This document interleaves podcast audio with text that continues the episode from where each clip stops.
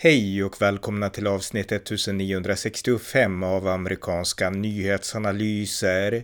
En konservativ podcast med mig, Ronny Berggren, som kan stödjas på swishnummer 070-30 28 95 0. Om man vill följa Israel-Palestina-konflikten så är svensk media tråkig och intetsägande. Här följer därför ett samtal med Elias Lövik, svensk jude som driver podcasten Dörren är där, om det som nu händer i Israel ur ett perspektiv som allt för sällan framkommer här i Sverige. Varmt välkomna! Elias Lövik, välkommen! Tack! Du är precis som jag en podcaster. Vi känner inte varandra så, så väl egentligen, utan vi lärde känna varandra idag på, på Facebook där du skrev hej till mig och eh, sa att vi har ett gemensamt intresse och det intresset är Israel. Så att jag googlade lite snabbt och jag lyssnade lite på, på din podcast som heter Dörren är där. Så att jag tänkte, kan du börja berätta lite kort om dig själv, vem du är? Ja, eh, 35 bast, Elias, eh, bor i Oslo, ehm, gift, eh, en dotter, tre katter. Um, halvt Israel, halvt svensk. Jag har bott i Israel från 2001 till 2007 under eh, den andra intifadan. Um, min mamma är konvertit uh, och därmed mer religiös än farsan.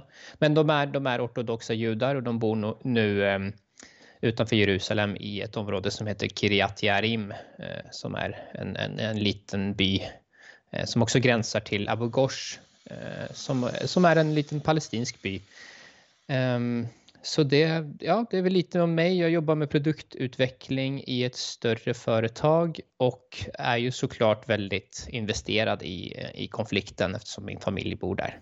Mm. Och eh, jag menar det som händer nu, nu i hela världen, hela världens blickar är riktade mot Israel nu och det som händer, terrorismen och så. Och eh, jag förmodar då att du, du har fått direktrapporter vad som händer i Israel.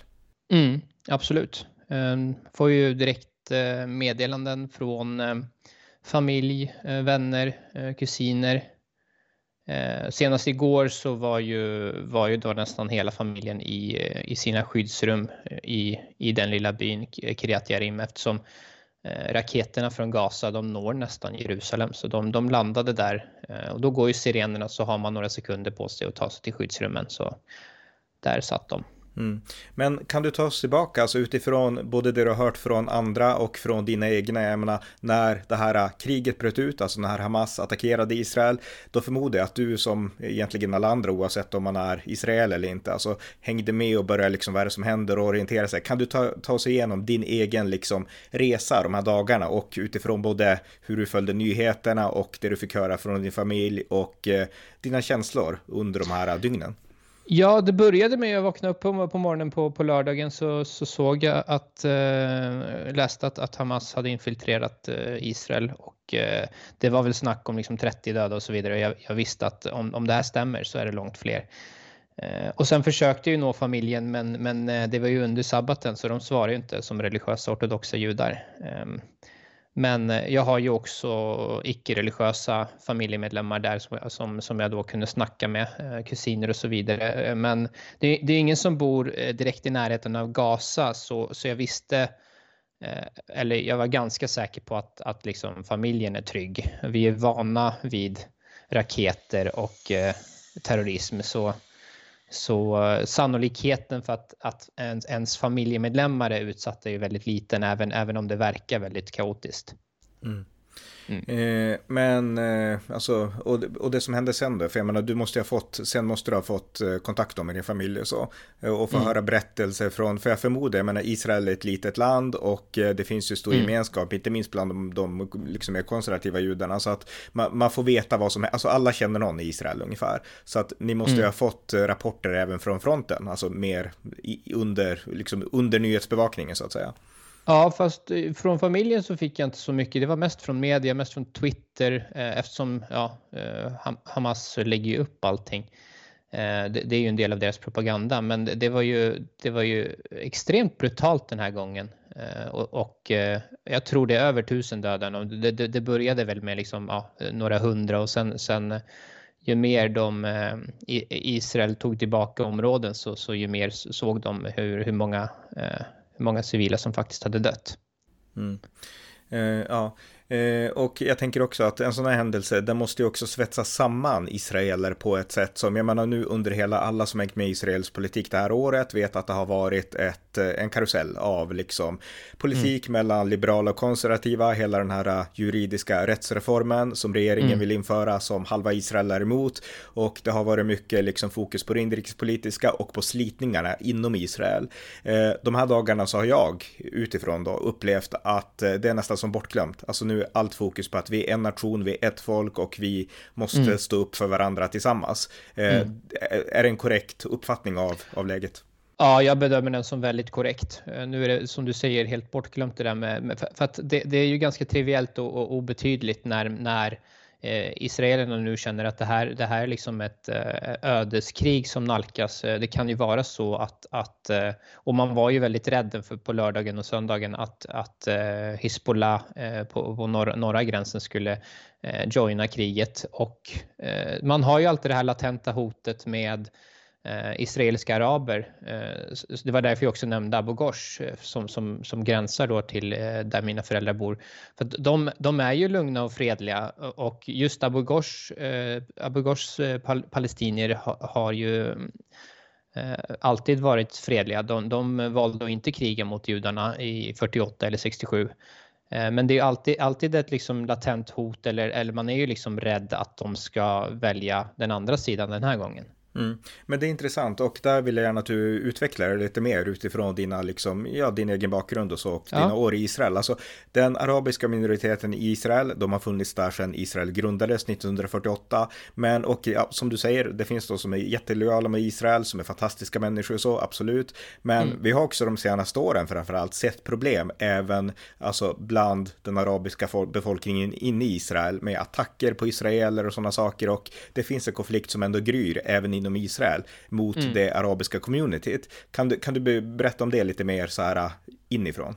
Ja, äh, i, i mina år i Israel då mellan 2001 och 2007 så, så tog jag ju bussen genom Abu Ghosh nästan dagligen äh, och det var aldrig liksom minsta incident.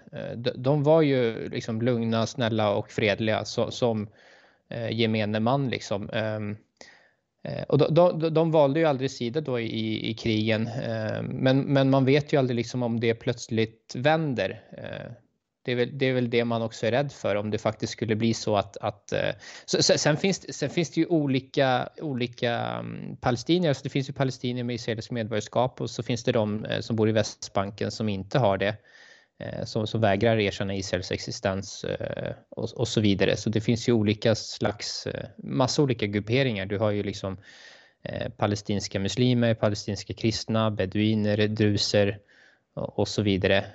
Och alla har ju olika, olika nivåer av lojalitet kan man väl säga. Mm. Eh, ja, men, men du har inte upplevt, alltså har du upplevt på något sätt oavsett om det är via nyhetsrapportering eller på andra sätt att det ändå har blivit mer radikaliserat inom vissa liksom arabiska communities inom Israel? Ja, det, det stämmer ju eh, troligtvis. Alltså det, I Haifa så har det ju varit problem med, med, med eh, palestinska israeler. Eh, eller israeliska araber eller vad man nu ska kalla dem. Mm. Eh, så så det, det, det beror lite på vilket område. Eh, så, så, i östra Jerusalem så är det st större hot eh, också. Eh, så det, och det, och det, jag tror det har att göra liksom med, med hur eh, radikaliserade individerna är. Eh, såklart, alltså om de är utsatta för den, eh, den indoktrineringen som, som eh, sker i, i eh, palestinska samhällen. Mm. Men du nämnde att dina föräldrar, de är väldigt konservativa judar. Alltså det mm. finns ju, vad är det för slags, här i Sverige, du vet ju bilden i Sverige, alltså man betraktar bosättarna som totala extremister och man betraktar liksom de ultraortodoxa som väldigt konstiga. Alltså det finns väldigt, alltså Sverige har ju en ganska stereotyp bild av framförallt den mer konservativa sidan av både judendomen och av den israeliska bosättarrörelsen och så här. Eh, mm. Vad är de främsta, alltså om du utifrån ditt insiderperspektiv kan ge lite liksom grundläggande kunskap som saknas i Sverige om, om de här grupperna i Israel? Ja, alltså det, det är som du säger, man, man kallar gärna en, en jude som har den extrema åsikten att eh, hans judiska identitet inte ska vara ett hinder för vart han ska bo. Då kallar man den personen för en bosättare. Eh, och man, man, man liksom tar för givet att hela Västbanken tillhör någon slags palestinsk stat även om, om den staten i, i praktiken eh, de facto inte existerar. Eh, så, så ju, judar som, som inte accepterar premissen att en, en, en eventuell framtida stat, eh, en framtida palestinsk stat ska vara helt eh, fri från en judisk minoritet. Eh, de, de stigmatiserar man och svartmålar och kallar dem bosättare så, och liksom får det att låta som att det här är någon slags extremister som, som, som vill göra precis det de här Hamas-terroristerna nu gjorde mot, mot det israeliska civila.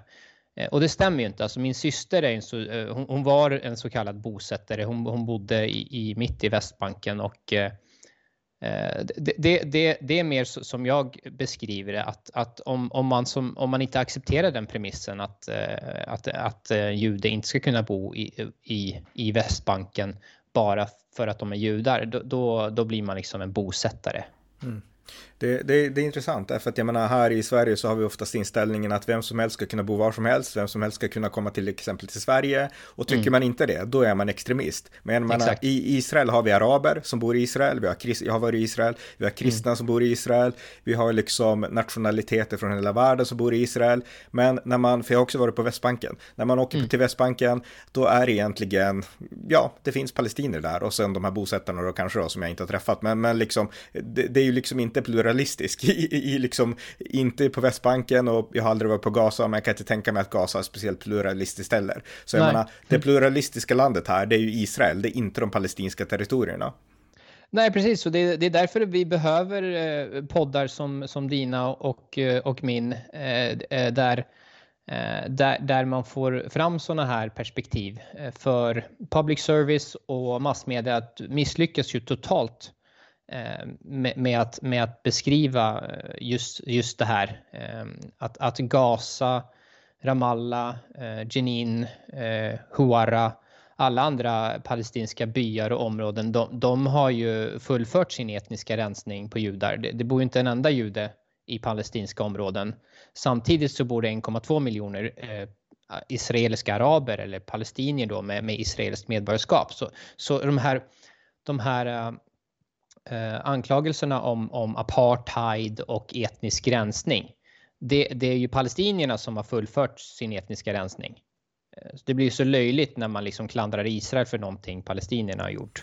Ja, det är en jätteviktig poäng här och jag menar det här kan vi se inte bara gentemot judarna. Eh, det finns inga judar där som sagt då, men eh, även mot de kristna palestinierna därför att det har varit många kristna, alltså förr i världen, det här området var ju kristet, nu är du jude antar jag, men liksom mm. det var ju ett kristet område under väldigt lång tid, hela Palestina liksom. Sen kom mm. islam och de har fördrivit också, alltså i modern tid, den kristna minoriteten i, mm. på Västbanken och alltså i Gaza tror jag inte ens det finns kristna, jag vet inte, men, men, men eh, även kristna utsätts ju för det här, så att det är en liksom Eh, alltså för att använda termen, det är en eh, liksom palestinsk etnopluralism. Du ska vara muslim, du ska vara palestinier och eh, ja, är du något annat, då passar du inte in i deras områden.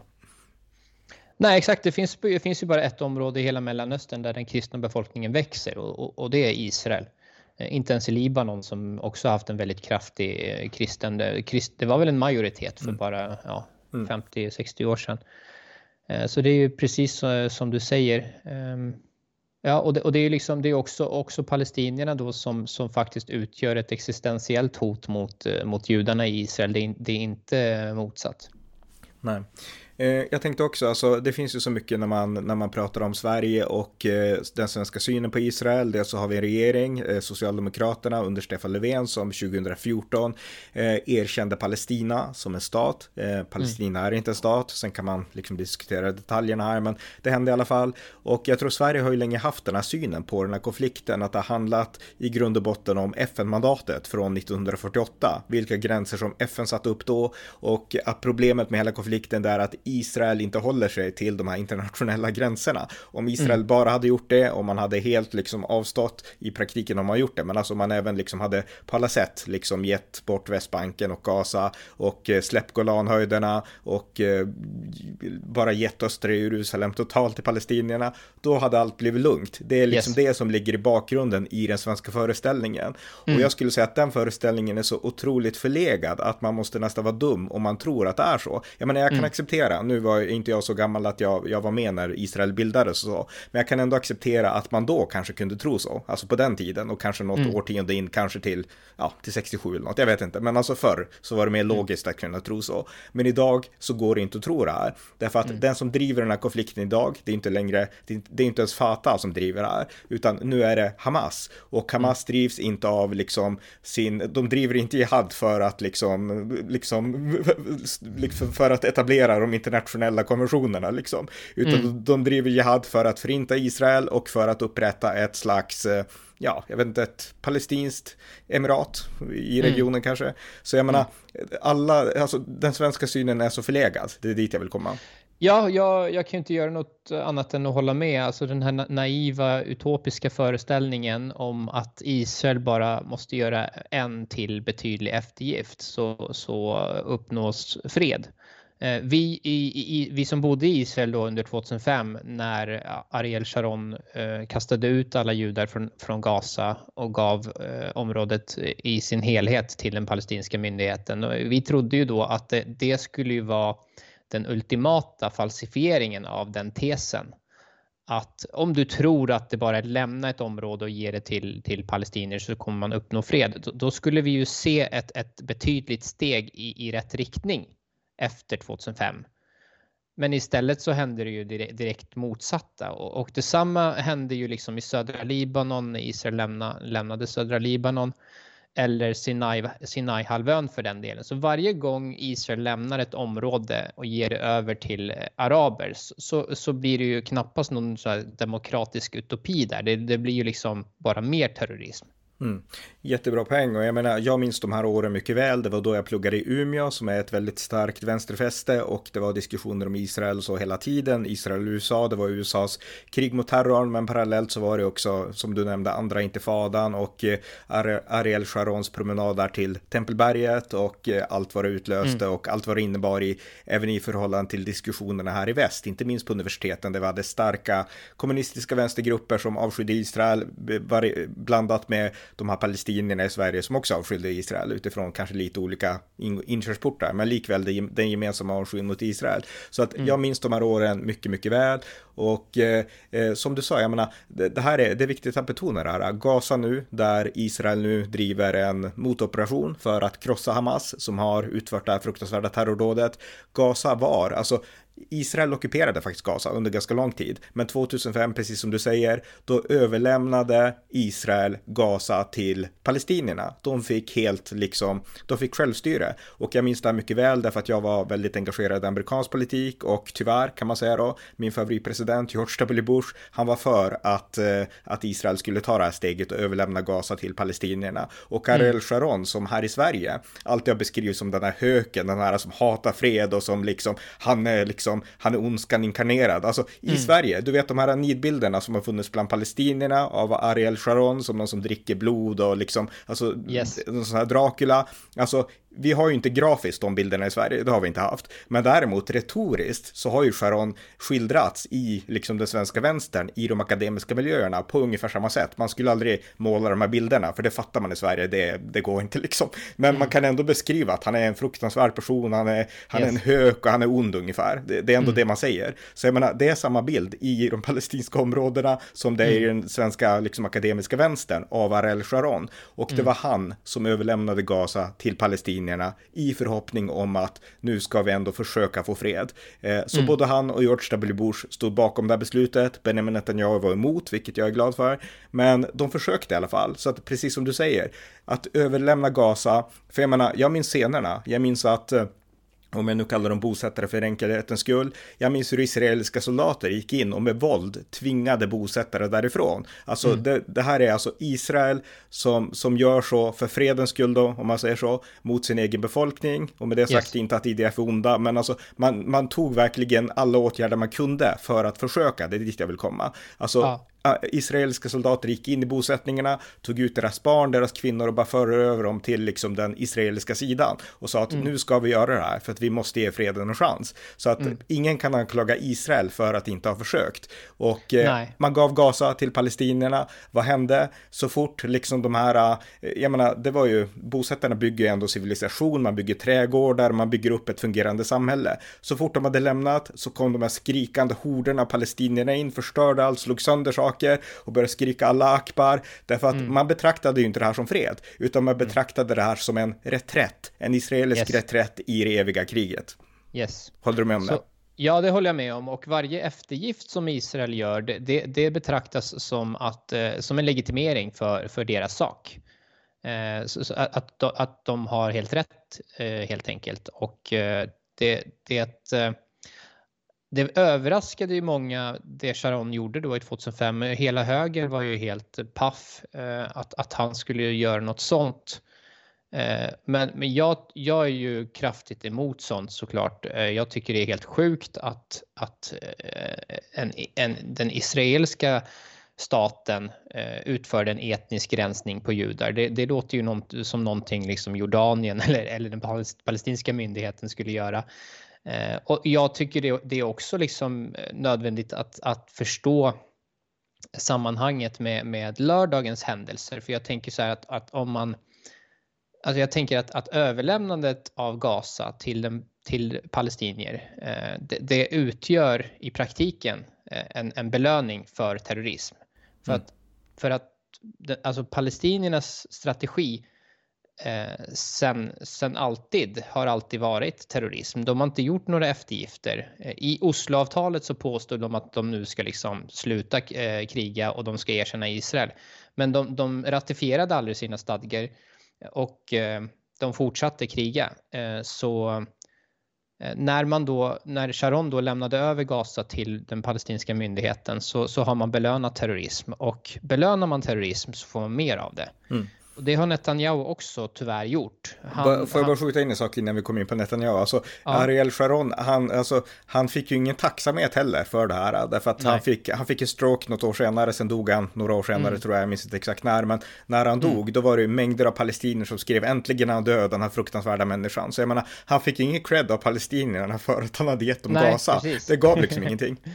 Nej, ja. exakt så. Eh, fortsätt med Netanyahu här då. Ja, jo, för att eh, Netanyahu har, har tyvärr gjort detsamma. Han, alltså Netanyahu har, har gång på gång släppt, släppt ut eh, terrorister, fängslade terrorister för att, för att eh, ja, frigöra kidnappade och så vidare. Och jag förstår eh, det, det, det moral, moraliska värdet, eh, för att då kan man säga till israeliska soldater att om du blir kidnappad så gör vi absolut allt vi kan för att frigöra dig. Men samtidigt om, om, om du släpper lös 1027 Ehm, eh, Ehm, eh, terrorister för en israelisk soldat, då, då, skapar det ett enormt incitament att, att eh, kidnappa flera. Så jag vill ju påstå att det, det är det som också har eh, skapat lördagens attentat och ett, ett, ett, incitament för att utföra något sånt. När Hamas vet att, att det här kommer belönas, de kommer kunna använda de här äh, kidnappade som politiska brickor för att, för att äh, ja, få, få tusentals terror, fängslade ter terrorister frigjorda eller, eller andra eftergifter. Mm.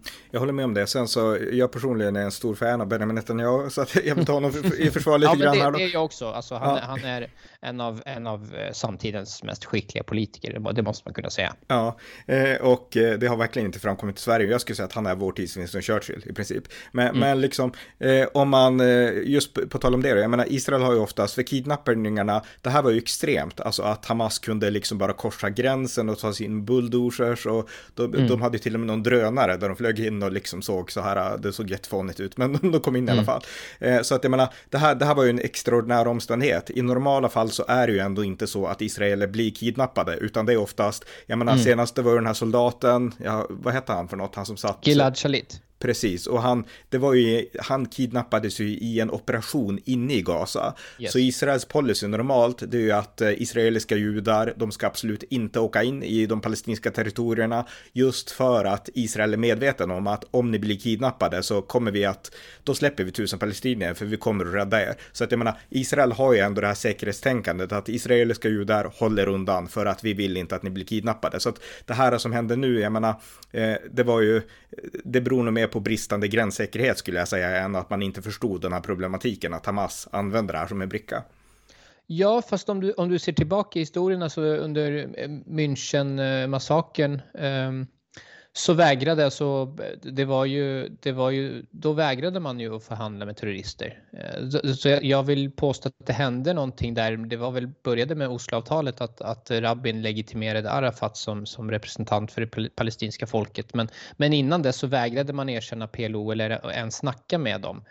Och jag vill påstå att det finns ett värde där att, att bara totalt, du, du eh, jag håller inte med Eh, till exempel den, den, norska statsministern Störe som tycker att han vill ju inte kalla Hamas för en terroristorganisation för att han vill kunna medla, han vill kunna snacka med dem.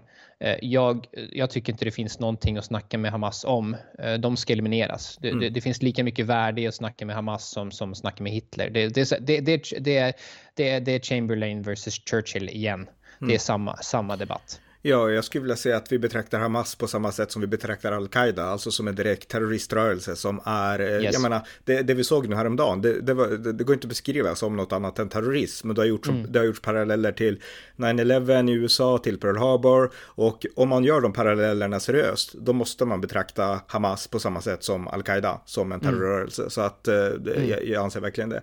Um, jag tänkte också, du nämnde Osloavtalen och så, jag menar du bor i Oslo och det är rätt mm. intressant därför att början till allt det här med, eh, alltså nu utan att gå tillbaka för långt i, i, Israels historia så är det ändå så här att Israel har haft en rad olika tuffa premiärministrar. Jag själv är mm. ju en fan av Netanyahu, det beror lite på att han var en del av min uppväxt och sådär. Jag har inga minnen själv av de här, jag menar Golda Meir och de här, jag minns inte dem liksom, mm. eller Ben Gurion. Men jag minns Netanyahu, han har liksom påverkat mig i min samtid så att säga. Men mm. Israel har ju haft en rad rad ganska tuffa och hårda premiärministrar som har förstått det här med realpolitik och vad som måste göras och så. Eh, sen kom Osloavtalen och som du säger, de innebar i mångt och mycket att Israel accepterade omvärldens, eh, inte diktat, men omvärldens, vad ska man säga, beskrivningar av konflikten. Alltså mm. idén land mot fred, alltså att det är det som är felet, varför det inte blir fred, det är att ni inte är, det är liksom att ni har behållit det här landet som ni tog, eller marken som ni tog 67 då. Eh, mm. det, det, är liksom grundfelet. Det vart en premiss som Israel infogade sig under och eh, sen har man fortsatt så i de här, ja, i, i de här nästan tre årtiondena som har gått sedan Osloavtalen. Och eh, min fråga till dig är, anser du att det är dags att eh, på något sätt för Israel att bryta med den här föreställningen, att det här fungerar och bara bygga sin, sin politik på liksom det som är bäst för Israels säkerhet och eh, garantera det med den israeliska militära styrkan? För det anser Absolut. jag. Jag, eh, jag tycker att omvärldens inblandning i konflikten har varit extremt skadlig. Mm. Och hade man bara låtit Israel göra det Israel tror är rätt så hade konflikten varit slut för länge sedan. Um, och det, men det är också delvis Israels fel att man då inte stått upp mot, mot omvärlden och så har man varit väldigt um, Eh, beroende av till exempel USAs stöd. Eh, det, är, det är man inte längre. Jag, jag till exempel, jag, jag tycker till exempel att Israel borde tacka nej till, till eh, USAs bidrag i, form av pengar eller vad, vad det är. Alltså de, de donerar väl ett par miljarder varje år. För då, då, då får man krav om, om att kunna påverka politiken och det, det har varit extremt skadligt. För, för ja, Osloavtalet var extremt skadligt för, för Israel. Ehm, och eh, hade, ja, som sagt, hade man bara, hade Israel fått agera eh, på det sättet man tycker är rätt utan att bry sig om liksom eh, omdöme och så vidare. Det, det, har ju alltid varit så att, och det, det, det, kommer säkert hända nu igen, att när Israel nu bombar sönder Gaza för att eliminera Hamas så kommer, så kommer världsopinionen vändas mot Israel. Och, och, och det, det, var ju också nice att vi fick lite sympati i alla fall i två, tre dagar efter den, den största massakern eh, sedan andra världskriget. Men jag är tyvärr eh, ganska pessimistisk där och tror att, att opinionen kommer vända sig mot Israel ganska fort. Och det ser vi redan nu när liksom, ja, statsmedia, SVT, NRK här i Norge sprider massa klipp på ett eh, Gaza i ruiner och döda barn och så vidare. Man kommer kräva återhållsamhet och proportionalitet eh, och så vidare och så kommer man fördöma Israel eh, istället för att stödja Israel och det som krävs. De, de, måste göra allt som krävs helt enkelt för att eliminera eh, Hamas på samma sätt som, som väst eliminerade IS. Mm, jag håller helt med och eh, då för att återigen då komma in i med mitt Bibi Netanyahu-försvar, alltså jag har hängt med eh, så passivt då Israels politik sedan 90-talet och Benjamin Netanyahu han blev premiärminister 1996 första gången och det var mm. då jag började få upp ögonen för honom och tyckte att det här är en, han är så totalt icke-svensk och han kan engelska flytande, alltså en cool politiker tyckte jag bara. Mm. Så att jag började hänga med honom då och det jag minns för att han fick ju makten några år då efter Osloavtalen så han fick ju, han ärvde ju någonting som han kanske inte var helt för skulle jag säga. Eh. Och det som hände då, det var ju att på den tiden så var Bill Clinton, demokraten, president i USA. Och det var en rad olika avtal, inte bara Osloavtalen då som hände innan Netanyahu, utan det var Wye River-avtalet och sådana saker, där man då skulle diskutera olika detaljer på Västbanken. Och det fanns ett, klassisk, ett klassiskt foto som jag tyckte var supercoolt från eh, Camp David tror jag, när Benjamin Netanyahu sitter där med Bill Clinton, Vita husets pressfotografer som tog fotot. Och då ser man Bill Clinton sitta med liksom glasögonen på näsan och försöka peka på någon karta och Netanyahu håller bara upp handen och säger nej, ungefär. det är en skitcool bild. Och jag menar, det här har fortsatt ju liksom, jag menar, han är ändå den som har hållit emot. Jag menar, när amerikanska demokrater framför allt, därför att republikanerna idag är mycket mer Israelvänliga, eller republikanerna är mer Israelvänliga demokraterna. Så att mm. när även Barack Obama ville att Israel i princip skulle återgå till gränserna innan 67, så åkte Netanyahu till USA och sa att det här är, vi respekterar USA, vi älskar USA, respekterar dig Obama, men tyvärr, det här är omöjligt, glöm det ungefär. Mm. så jag menar, han har ändå dragit i bromsen på ett sätt som jag inte tror att alla israeliska premiärministrar skulle göra. Därför mm. att, eh, jag menar, jag tror inte att, jag menar, vänster-israeliska premiärministrar skulle ha stått upp mot USA på det sätt Nej. som Netanyahu har gjort ändå. Så att cred till honom Nej. där tycker jag ändå. Det håller jag med om och i den kontexten så, så är han grym. Um, jag är dock besviken i, i, i eh, alltså att man, man kunde gjort mer och det, det är inte mm. nödvändigtvis Netanyahus fel. Alltså som du säger, han, han gör säkert allt han kan. Eh, men på många sätt när man liksom, han, han, han och hans regeringar har ju ändå samarbetat med, med den palestinska myndigheten. Eh, de, de överför ju pengar. Jag tycker den palestinska myndigheten efter, efter Osloavtalet visat sig vara en total katastrof så borde man störta den myndigheten och återta makten eh, och eh, det viktigaste är då kontrollen på, på, av institutionerna, alltså, alltså skolor och så vidare. För det, det, det är där de, de eh, skapar nya terrorister, framtida terrorister genom den konstanta indoktrineringen av palestinska barn. Mm. Eh, så jag tänker att det, alltså hade jag varit eh, Netanyahu så hade det varit mitt första mål att, att stoppa indoktrineringen av, av barnen för att då säkra, då kanske vi kan eh, se fred mellan palestinier och eh, judar om, om, om 30 år när de här barnen är vuxna och har, kanske har lite politisk makt. Men, men så, så länge du inte får stopp på det så, så, så får du ju bara fler och fler terrorister och terroristsympatisörer. Ja, och vi ger lite kontext till det här, för jag menar här i Sverige så det är ett faktum, alltså jag tror att svenskar i allmänhet, journalister vet det, men de rapporterar inte om det, men svenskar, svenskar i allmänhet tror jag inte vet däremot, även om vi har försökt påpeka det i många år, men de vet inte vilken propaganda som de palestinska barnen utsätts för. Jag mm. menar, det här är barn som i skolorna lär sig att man ska göra jihad mot judar, de lär sig mm. sådana här islamiska citat om att om en jude är bakom en sten så liksom, så ska stenen ropa, här är en jude, kom hit och döda, döda honom ungefär. Mm. Så jag menar, det finns en enorm barnindoktrinering hos palestinierna i synnerhet med ett specifikt hat mot judar. Jag menar, eh, yes. det här är någonting som, eh, jag menar om man blir indoktrinerad på det sättet, då, då är det helt logiskt att man gör som Hamas yes. gör. För de är indoktrinerade mm. sedan barn att hata judar. Alltså det handlar Precis. inte bara, och, för dem, och då handlar det alltså inte bara om eh, liksom gränspolitiken, liksom FN-mandaten, det skiter de i, utan det är liksom indoktrineringen, judehat. Mm. Och det har inte framkommit nog i Sverige. För att om Nej, det är precis. så, då ger det legitimitet till Israel att driva en hård säkerhetspolitik. Du kan inte förhandla med dem som är så här hjärntvättade. Exakt. Och det, ja, det, det är sorgligt. Alltså, de tror ju då att det, det bästa de kan göra i, i sitt liv är att dö, dö som martyrer för den palestinska saken.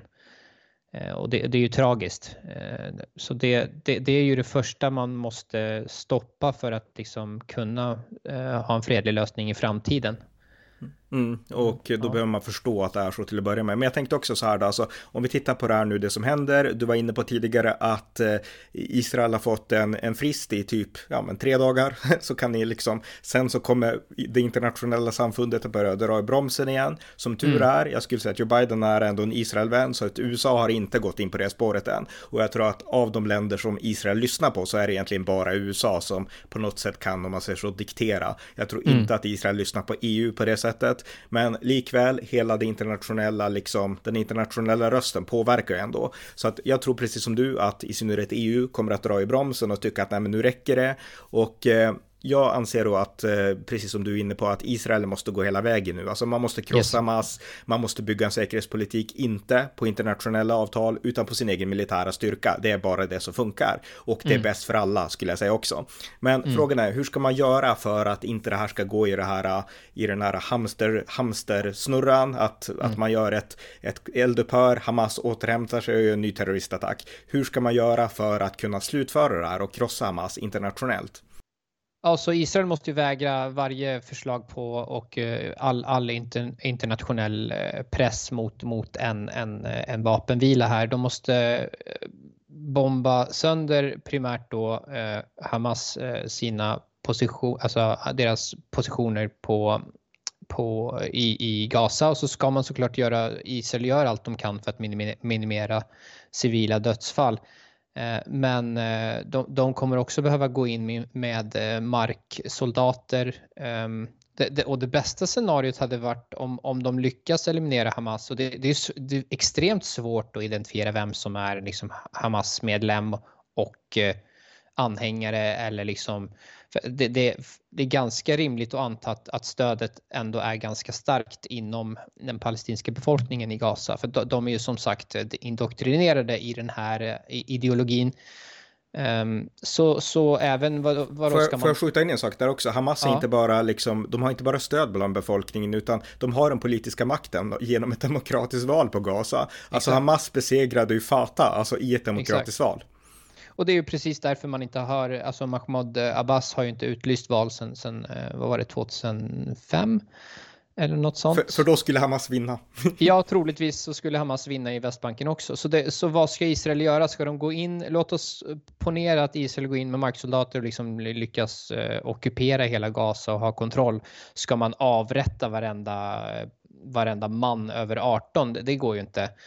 Eh, så, så, jag vet inte vad lösningen är. Alltså jag tror det bästa hade varit om, om, eh, om Egypten annekterade Gaza. För de, de ockuperade ändå Gaza fram till 67 och eh, Al-Sisi vet ju exakt hur man ska hantera islamister. Mm. Eh, han eliminerade ju muslimska brödraskapet i, när var det, 2013. Mm. Mm. Och avrättade ganska många av deras medlemmar. Så, så Ja, det hade varit det bästa, men, men Egypten kommer ju inte gå med på att annektera Gaza. Så Nej, och Israel, vad... vi kan bara säga så här, alltså, och Israel kommer aldrig att gå lika hårt fram mot palestinierna och eh, Hamas då som Egypten skulle göra. Nej, exakt. De, Egypten är ju liksom, de bryr sig inte så mycket om mänskliga rättigheter, men, men Israel är ju, är ju ändå och det här kommer ju låta absurt för eventuella lyssnare som, som är påverkade av, av eh, liksom det rådande narrativet. Att, att jag säger att israeliska militären är, är liksom, bryr sig om mänskliga rättigheter. Men jo, det gör de. Mm. Ja. Absolut. Ja. Eh, annars hade de liksom jämnat Gaza med marken för länge sedan. Eh, och, och det, det, är ju det som är mitt problem med det här med, med narrativet. Jag förstår inte hur, hur ideologiskt blind man måste vara för att tro på narrativet att, att Israel bara vill expandera och liksom ta över palestinsk mark och vill förtrycka och etnisk rensning och så vidare.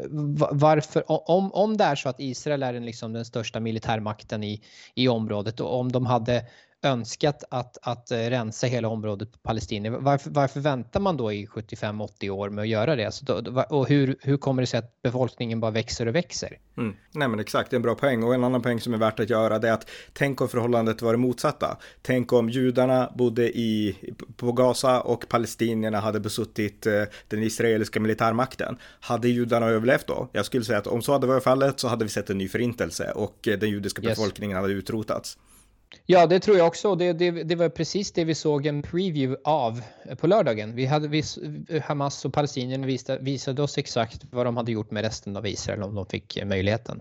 Mm. Ja, precis. Eh, vad var det mer jag tänkte säga? Jo, alltså om vi förde det till Sverige lite grann då, vi var inne på att eh, Europa framför allt och även, jag menar Sverige och Norge har haft den här tendensen att se det verkligen ur någon slags, alltså Israel-Palestinas konflikten ur det här förlegade klassperspektivet. Men nu tycker jag ändå att i Sverige i alla fall, jag kan inte tala för Norge, men här börjar, alltså vinden börjar vända lite. Eh, alltså det som har hänt nu i Israel, Mm. Eh, om vi backar 20 år, ja, men om vi tar den andra intifadan, då fanns det mm. en stark vänster som avskydde Ariel, Ariel Sharon och som typ, jag menar nu ska vi åka till Israel eller till Palestina och kasta sten på israeliska soldater. Det var typ, det var liksom, det var åsikterna som fanns bland mm. svensk mm. vänster. Jag hör inget av det nu, utan nu är det som att nästan alla inser att Hamas har gått för långt och att på något sätt, jag menar, till och med vänsterpartister, part, alltså Vänsterpartiets eh, partiledare Nooshi Dadgostar i partiledardebatten häromdagen, till och med hon mm. som, jag menar, jag tror inte hon är en Israelvän i grund och botten, men till och med hon var tvungen att tillstå att, att Hamas var fruktansvärda ungefär. Så jag menar, yes. det finns inte, eh, alltså stödet ja. för Hamas är borta, skulle jag säga i Sverige idag. Ja, samtidigt så såg vi ju det enorma firandet runt om i världen och eh, ja, partiledardebatten inleddes ju med det hur eh, vad Ulf, Ulf tyckte om det och eh, eh ja, Magda ljög ju direkt om, om han El-Haj och påstod att han var emot Hamas. Det, det är han ju knappast. Um, men jag, jag, är tyvärr mer pessimistisk där och jag tror det är tillfälligt att, att all eventuell sympati man nu har det på grund av, um, delvis också på grund av um, att Elon Musk köpte Twitter och att det numera heter X och att yttrandefrihet eh, råder. För att annars, alltså om Twitter fortfarande var, var Twitter så hade man censurerat allt det här. Mm. Eh, alla de klippen vi har sett. Um, och jag tror också att det är en medveten strategi här av Hamas att de delar de här klippen och det, och det är inte för att jag tror de vet mycket väl att det här är, eh, går emot deras sak och eh, att de förlorar lite omdöme här. Men, men det, det var mer en hundvissla till, till eh, Hizbollah och andra araber runt om att, att joina kampen. Mm. Det tror jag. Mycket um, intressant, därför att jag menar, du, du har helt rätt, Hamas är inte liksom, det är inget stenåldersfolk, utan jag menar palestinierna bor i hela världen. Eh, jag mm. menar, vi har många pro-Hamas palestinier i Sverige. Så att jag yes. menar, de är upplysta, de är bildade, de har kontakter överallt. Det, det är ju alltså, det finns ju en palestinsk diaspora som gör mm. allt för att pumpa in liksom, eh, jag menar, för att stödja palestiniernas sak och palestiniernas kamp. Det finns kändisar som gör det och jag menar överallt. Så att jag menar, eh, därför kan man tänka att det borde vara kontraproduktivt. De borde fatta att det är kontraproduktivt yes. i västvärldens ögon. Men som du yes. säger, det är inte till för västvärldens ögon, utan det är Nej. till för att väcka liksom krigarinstinkterna hos Hezbollah, hos Iran yes. och eh, andra liksom som de behöver i kampen, för de vet ju att de själva kan ju inte besegra Israel. Exakt, det, det, det, är min teori i alla fall att de, de förstår mycket väl att det här skadar deras omdöme och att, att folk kommer liksom eh, fördöma och så vidare. Eh, och det kommer skada dem kortsiktigt men, men de, ville, de ville väcka sympati, de ville, de ville de ville också skapa ett, ett internt inbördeskrig, att, att israeliska araber skulle joina och eh, ja, de ville skapa en tredje intifada. Nu, nu verkar det inte som att det har hänt, men det, det, det, det återstår att se nu vad de gör för att nu har de hotat att avrätta eh, de kidnappade om Israel fortsätter bomba och eh, sprida det i sociala medier. Så, så om det faktiskt stämmer så får vi se vad som händer. Och gör de så, då är de ju Al-Qaida. För det var mm. exakt det Al-Qaida gjorde, skar halsen av folk på YouTube och la ut det på YouTube. Mm. Så att, eh, ja. Men jag tänker om vi ska avrunda lite grann då, vi kan knyta samman säcken lite. Det har begåtts ett fruktansvärt terrorråd mot Israel och eh, omvärlden fördömer nu och vi får hoppas att eh, man står vid, står bakom Israel även liksom i det som händer i framtiden. Men om man tänker några konkreta saker som har diskuterats här i Sverige. Dels så har man diskuterat att avbryta allt eh, finansiellt stöd. Det är ändå rätt absurt, men vi stöder eh, de palestinska myndigheterna med massvis av pengar. Eh, yes. Och man har diskuterat att avbryta det. Man har också diskuterat, eller inte alla då, men det har getts förslag. Jimmy Åkesson från Sverigedemokraterna gav det förslaget att återkalla erkännandet av Palestina. Det är alltså små, små enkla åtgärder. Vilka mm. åtgärder tycker du att Sverige och Europa ska ta i den här situationen? Nej, det håller jag med om. Eh, så vitt jag förstod så är det alltså Moderaterna som sätter stopp för det. Ehm, att man återkallar det erkännandet. Det var ju ett löjligt erkännande till att börja med. Men, men eh, som du säger borde man också stoppa bidrag och eh, ja, stöd för den palestinska myndigheten och inte bara då Eh, miljoner av kronor som går direkt till den palestinska myndigheten men också finansieringen av UNRWA som, som är till väldigt hög grad infiltrerad av eh, Hamas. Och det är FNs speciella liksom, människorättsorganisation för palestinier. Ja, exakt, så där borde man lobba för att, att FN eh, hellre eh, integrerar alla palestinska eh, flyktingar i UNHCR Eh, det, det, är löjligt att palestinier ska ha en egen definition på vad som utgör en, en flykting. Det, det, det, är en helt, det är ett helt eget poddavsnitt i sig. Eh, men, men eh, det, det, måste man ändra på och att de ärver sin, sin flyktingstatus, det, det är helt absurt. Mm, ja, verkligen. Eh, ja, precis. Eh, jag tänkte avsluta lite. Kan du berätta lite kort om din podcast, Dörren är där, som den heter? Ja, gärna. Det, det är mig då och eh, Adrian, en SDare, Pontus Persson som många känner till och en, eh, en eh, lärarutbildare som heter Lukas eh, som också är marxist. Så vi har en in, intressant kontrast där med mig som är lite mer så libertarian eh, och två SDare och en marxist. Så vi, vi diskuterar samtiden. Vi försöker få ut ett avsnitt i veckan men, men nu, eh, nu ligger vi lite efter, men, men det ska nog, vi ska satsa på det i alla fall, ett avsnitt i veckan och så kommer vi snacka om allt mellan himmel och jord. Så podden handlar inte bara om Israel alltså, utan om eh, Nej. nyheter? Yes. Mm, Politik och ja, kultur, eh, filosofi och ja. Mm. Ja, men med det sagt så vill jag säga tack till dig Elias Lövik. Det här var jätteintressant och jag hoppas vi kan prata igen därför att det här ämnet Israel, det behövs röster som våra som kan lyfta upp det israeliska perspektivet i ett ganska anti-israeliskt Sverige. Så att stort tack och jag hoppas att vi kan höras igen. Ja, tack själv Ronny. Tack för att jag fick eh, vara med. Tack för att ni har lyssnat på amerikanska nyhetsanalyser, en konservativ podcast som kan stödjas på swishnummer 070-30 28 95 0 eller via hemsidan på Paypal, Patreon eller bankkonto. Skänk också gärna en slant till valfri Ukraina-hjälp eller Israel i samling. Allt gott tills nästa gång.